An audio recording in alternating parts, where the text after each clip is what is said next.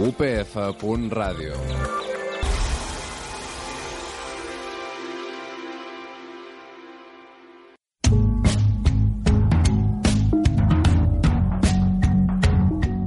L'espai de l'immigrant. Una alternativa per a la població immigrant exclosa de l'assistència sanitària en l'estat espanyol.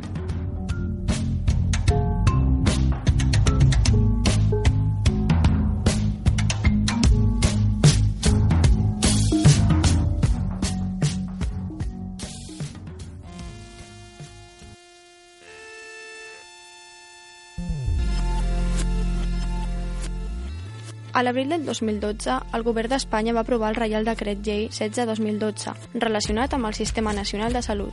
Entre altres canvis i restriccions d'aquesta nova llei, s'assenyala que només podran tenir accés a l'assistència sanitària aquelles persones que estiguin afiliades a la Seguretat Social. Per a molts immigrants sense targeta de residència que viuen a Espanya i que no estan afiliats a la Seguretat Social, aquesta nova llei pràcticament els exclou del dret a l'assistència sanitària.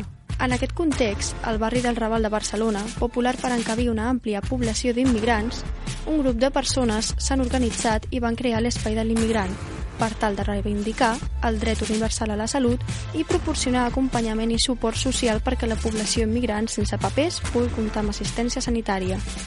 Per conèixer el treball que realitzen l'Espai de l'Immigrant, en el següent reportatge s'inclou una entrevista a dos membres d'aquest col·lectiu, Ulisses Colom, educador social, i Maria Luisa, metgessa.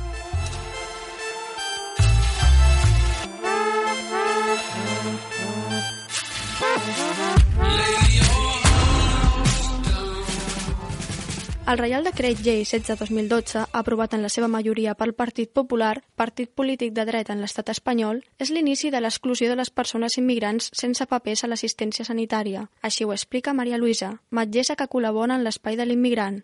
partido político en mayoría en el gobierno actual es de derechas, el Partido Popular puede ir con esta mayoría absoluta aplicando leyes y reales decretos sin consenso con el resto de fuerzas políticas. Entonces, el Real Decreto 16 del 2012 lo justificaron con la sostenibilidad del Sistema Nacional de Salud. Se, aprobó en abril del 2012. En agosto hicieron otro Real Decreto que describía quién era, qué personas de que residían en el Estado español eran aseguradas y quiénes no del Sistema Nacional de Salud. Y entonces, con el primer Real Decreto de sostenibilidad y el segundo Real Decreto de, de definición de quiénes sean asegurados, el Sistema Nacional de Salud, fue cuando se comenzó a generar la exclusión sanitaria de los inmigrantes sin papeles. El derecho a la salud es un derecho universal y no lo digo yo, lo dicen los organismos internacionales. Entonces, en este momento, en el Estado español, cualquier persona que se enferme y que no tenga papeles, es decir, bajo un criterio puramente administrativo, va a estar privado de una atención médica.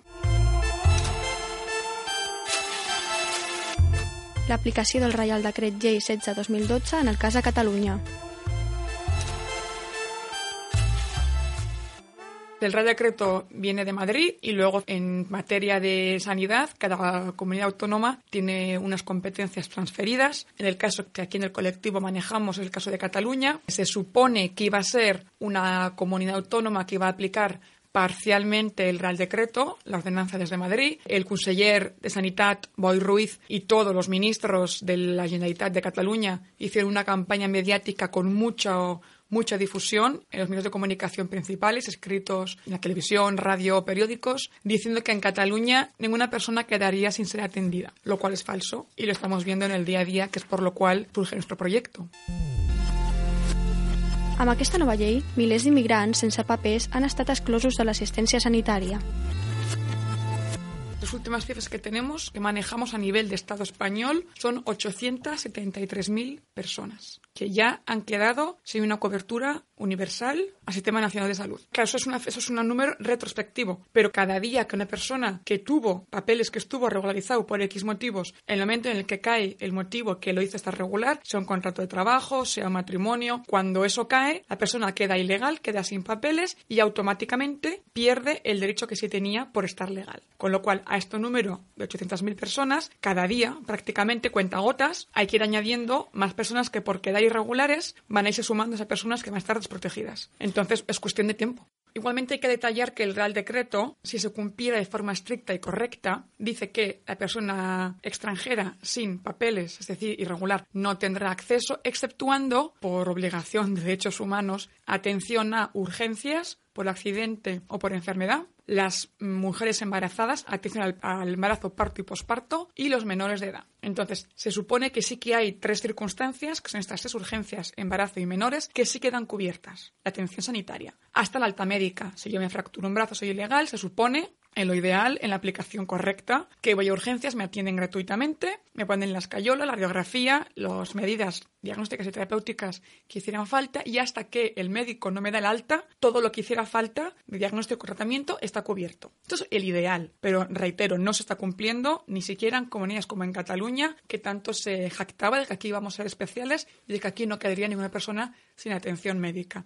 Entonces, ¿qué pasa cuando no hay personas que pueden ir a urgencias y se la atienden? O más, cuando no puede ir a la atención primaria, no puede ir a los hospitales, no pueden hacer intervenciones, no pueden hacer campañas de prevención, pues que se están colapsando o se van a acabar colapsando las urgencias, que las personas por no poder ir a atención primaria cuando comienza una patología no se atiende, si se deja la propia evolución natural de la enfermedad se va agravando y cronificando y finalmente es mucho más caro para el Sistema Nacional de Salud Pública atender una patología cronificada y o agudificada, ¿no? que no cuando está recién comenzando. Entonces, por ningún lado que lo mires, el motivo original, supuestamente el que encubre el racismo, pero bajo no argumento que están esgrimiendo, que es la sostenibilidad, económicamente hablando, Sistema Nacional de Salud Pública, es mentira, porque es mucho más caro, ¿no? A largo plazo, seguramente va a ser mucho más caro económicamente hablando, ni te cuento ya en morbilidad y en mortalidad, el haber aplicado el decreto y dejar a las personas excluidas.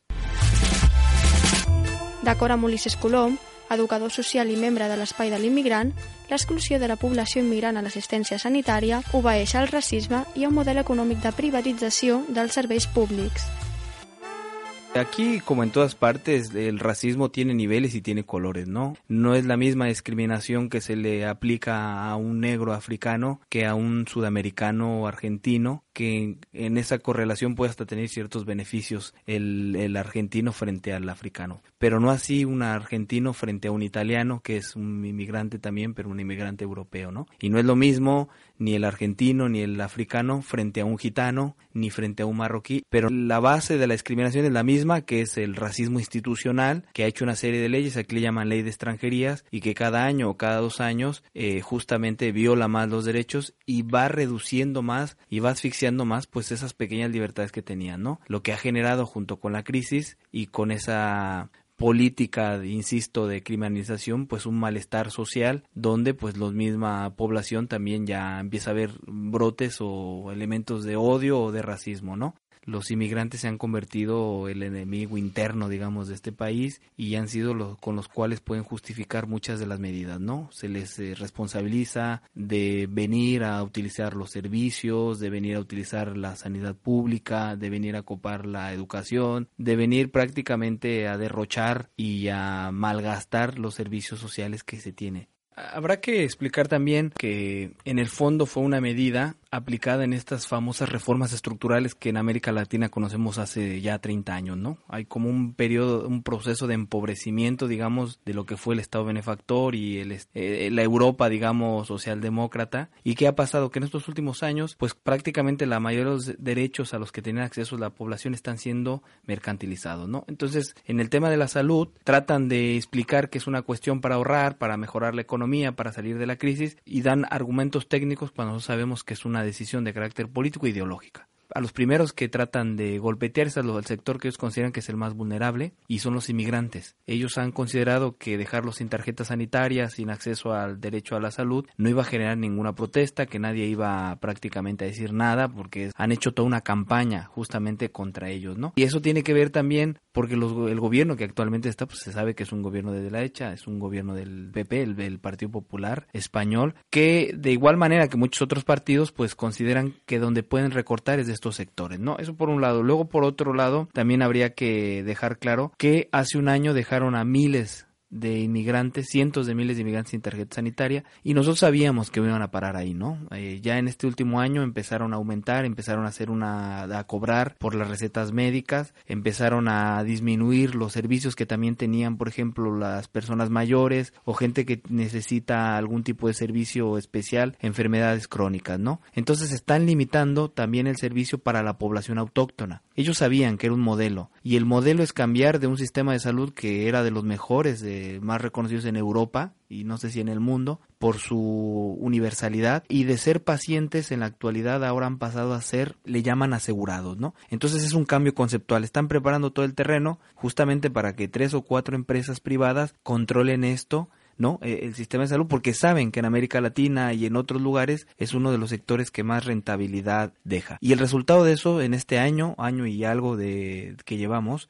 de manera pública sabemos que tenemos dos muertos, dos inmigrantes. Uno es un compañero que se llamaba Alfa, un senegalés que en Mallorca en dos ocasiones fue a pedir el servicio, la atención médica al hospital. Se le fue negada debido a que no tenía la tarjeta sanitaria. Fue por segunda vez y el compañero murió de tuberculosis de una manera muy triste en su casa, ¿no? Y el otro es de una mujer boliviana que de igual manera se le negaron. Y de esa manera nos encontramos como muchas historias con inmigrantes y actualmente nos empezamos a encontrar historias con gente de aquí. En general, el problema es, insisto, el pobre. Eh, no solo el inmigrante, sino también la gente que no está trabajando, la gente que no pueda financiar su sistema de salud. Bueno, pues estará condenada o a buscar o no sé qué hacer, pero en el sistema de salud no va a poder entrar si no puede pagar. Además de que es muy caro. En el context d'exclusió dels immigrants de l'atenció sanitària en l'estat espanyol, Maria Luisa i Ulises Colom expliquen el sorgiment i el treball que es realitza en l'espai de l'inmigrant.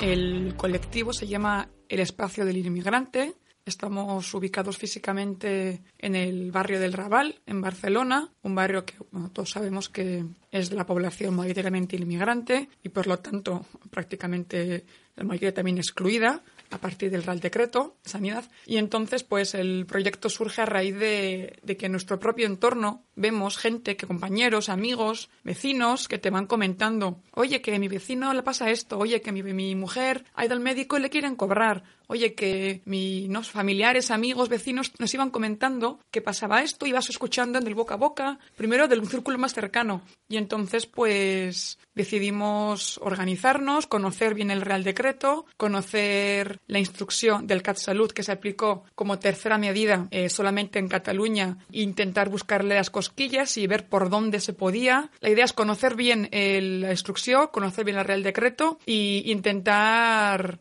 exprimir al máximo el sistema nacional de salud. También tenemos un pequeño consultorio porque habemos tres médicas y entonces eh, si la persona ha ido a urgencias, no le quieren atender, le quieren cobrar, lo cual es una medida disuasoria, totalmente. El objetivo es disuasorio para que ya ni, ¿no? Que se den la vuelta. No fue atendido o, luego, aparte de que suelen, suelen, cobrar y llegan facturas por atención de urgencias, lo cual eh, es ilegal, es en contra del, decreto, porque recordemos que las urgencias tienen que estar cubiertas. También tenemos casos de atención a menores que han llegado facturas. Eh, atención al, al embarazo, un aborto también fue denegado. En fin, están incumpliendo el, su propio Real Decreto su propia instrucción al CatSalud. Si la persona hay de urgencia, si le quieren cobrar, no le quieren atender o le meten el miedo de que por dar su número de identificación de pasaporte, estar sin papeles, que puede haber un cruzamiento de listas con la Policía Nacional y finalmente con un domicilio y con visualizar su situación en un registro informático que llega a casa, famosa carta de expulsión, la gente ya ni va. O va una vez, se espanta, le llega la factura, lo disuaden, ya no va.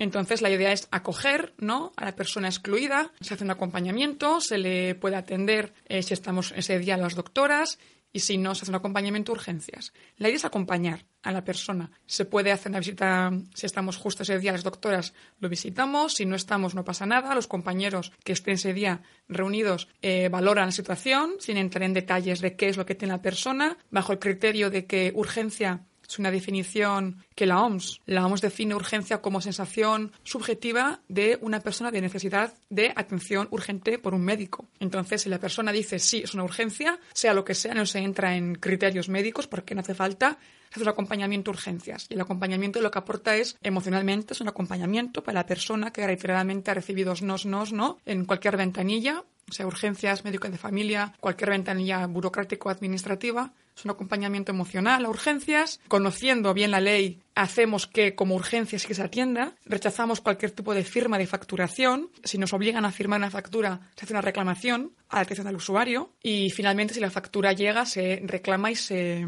se borra ¿no? de la lista de morosos. Entonces el colectivo surge primero como necesidad básica de atención médica, nos buscaban como médicos, Posteriormente ya vemos que es mucho más profundo realmente el problema, que no es solamente atención puramente, sino que hay una sensación de exclusión y de invisibilización de estas personas hay mucha gente que no está acudiendo al médico, que está en su casa sufriendo, uno, la enfermedad y dos, el miedo y la exclusión. Y entonces es un acompañamiento también físicamente urgencias, un acompañamiento emocional, un empoderamiento de la persona. Una vez que se le acompaña urgencias o a la ventanilla burocrática donde hace falta entregar X papeles para que se vuelva a reenganchar a sistema sanitario público, se empodera, dice sí se puede, la ley se puede buscar por dónde, entonces un acompañamiento físico, un acompañamiento emocional, es sentirte que alguien te escuche, que alguien te acompaña y luego empoderar a la persona, de tal manera que esa persona, conociendo la ley, conociendo sus derechos, los ejerza y que en un futuro sea esa persona quien acompañe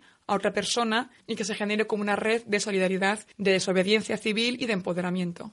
Sí, matizar que es un espacio autónomo, ¿no? No somos ninguna ONG y desde ahí nosotros hemos decidido pues construir un espacio ante la pregunta del qué hacer, mientras por un lado estamos tratando de denunciar este Real Decreto Ley para evitar que se siga aplicando y echarlo para atrás, teníamos todos los días en la puerta gente que nos decía, "Oye, pero mira, mientras pasa eso necesito atención", ¿no? Se surge esto. Entonces es un espacio autónomo, no es una ONG, eh, no nos movemos en la caridad, no recibimos ningún tipo de financiamiento, no trabajamos con partidos políticos ni mucho menos con instituciones de gobierno, ¿no? Que también ya han ido a tocar la puerta. Es un espacio que promueve la solidaridad y no la caridad. Es una iniciativa ciudadana desobediente, civil, pacífica, ¿no? Y eh, acompañada de un grupo de, de, profesionales que por fortuna en el barrio han tenido esta sensibilidad de entender, de hacer algo y no quedarse permanentemente en la reflexión, ¿no? Ni en el análisis. Y también tenemos el caso de algunos compañeros que fueron al espacio del inmigrante, se logró reinsertarlos al sistema de salud y como ya saben la ruta que se tiene que hacer, ahora ellos mismos lo están empezando a hacer con sus propios compañeros. El caso, por ejemplo, de un compañero pakistaní que él mismo se montó su propio grupo de acompañamiento en el barrio, él habla y todo esto, y ya no es necesario tampoco que vayan al,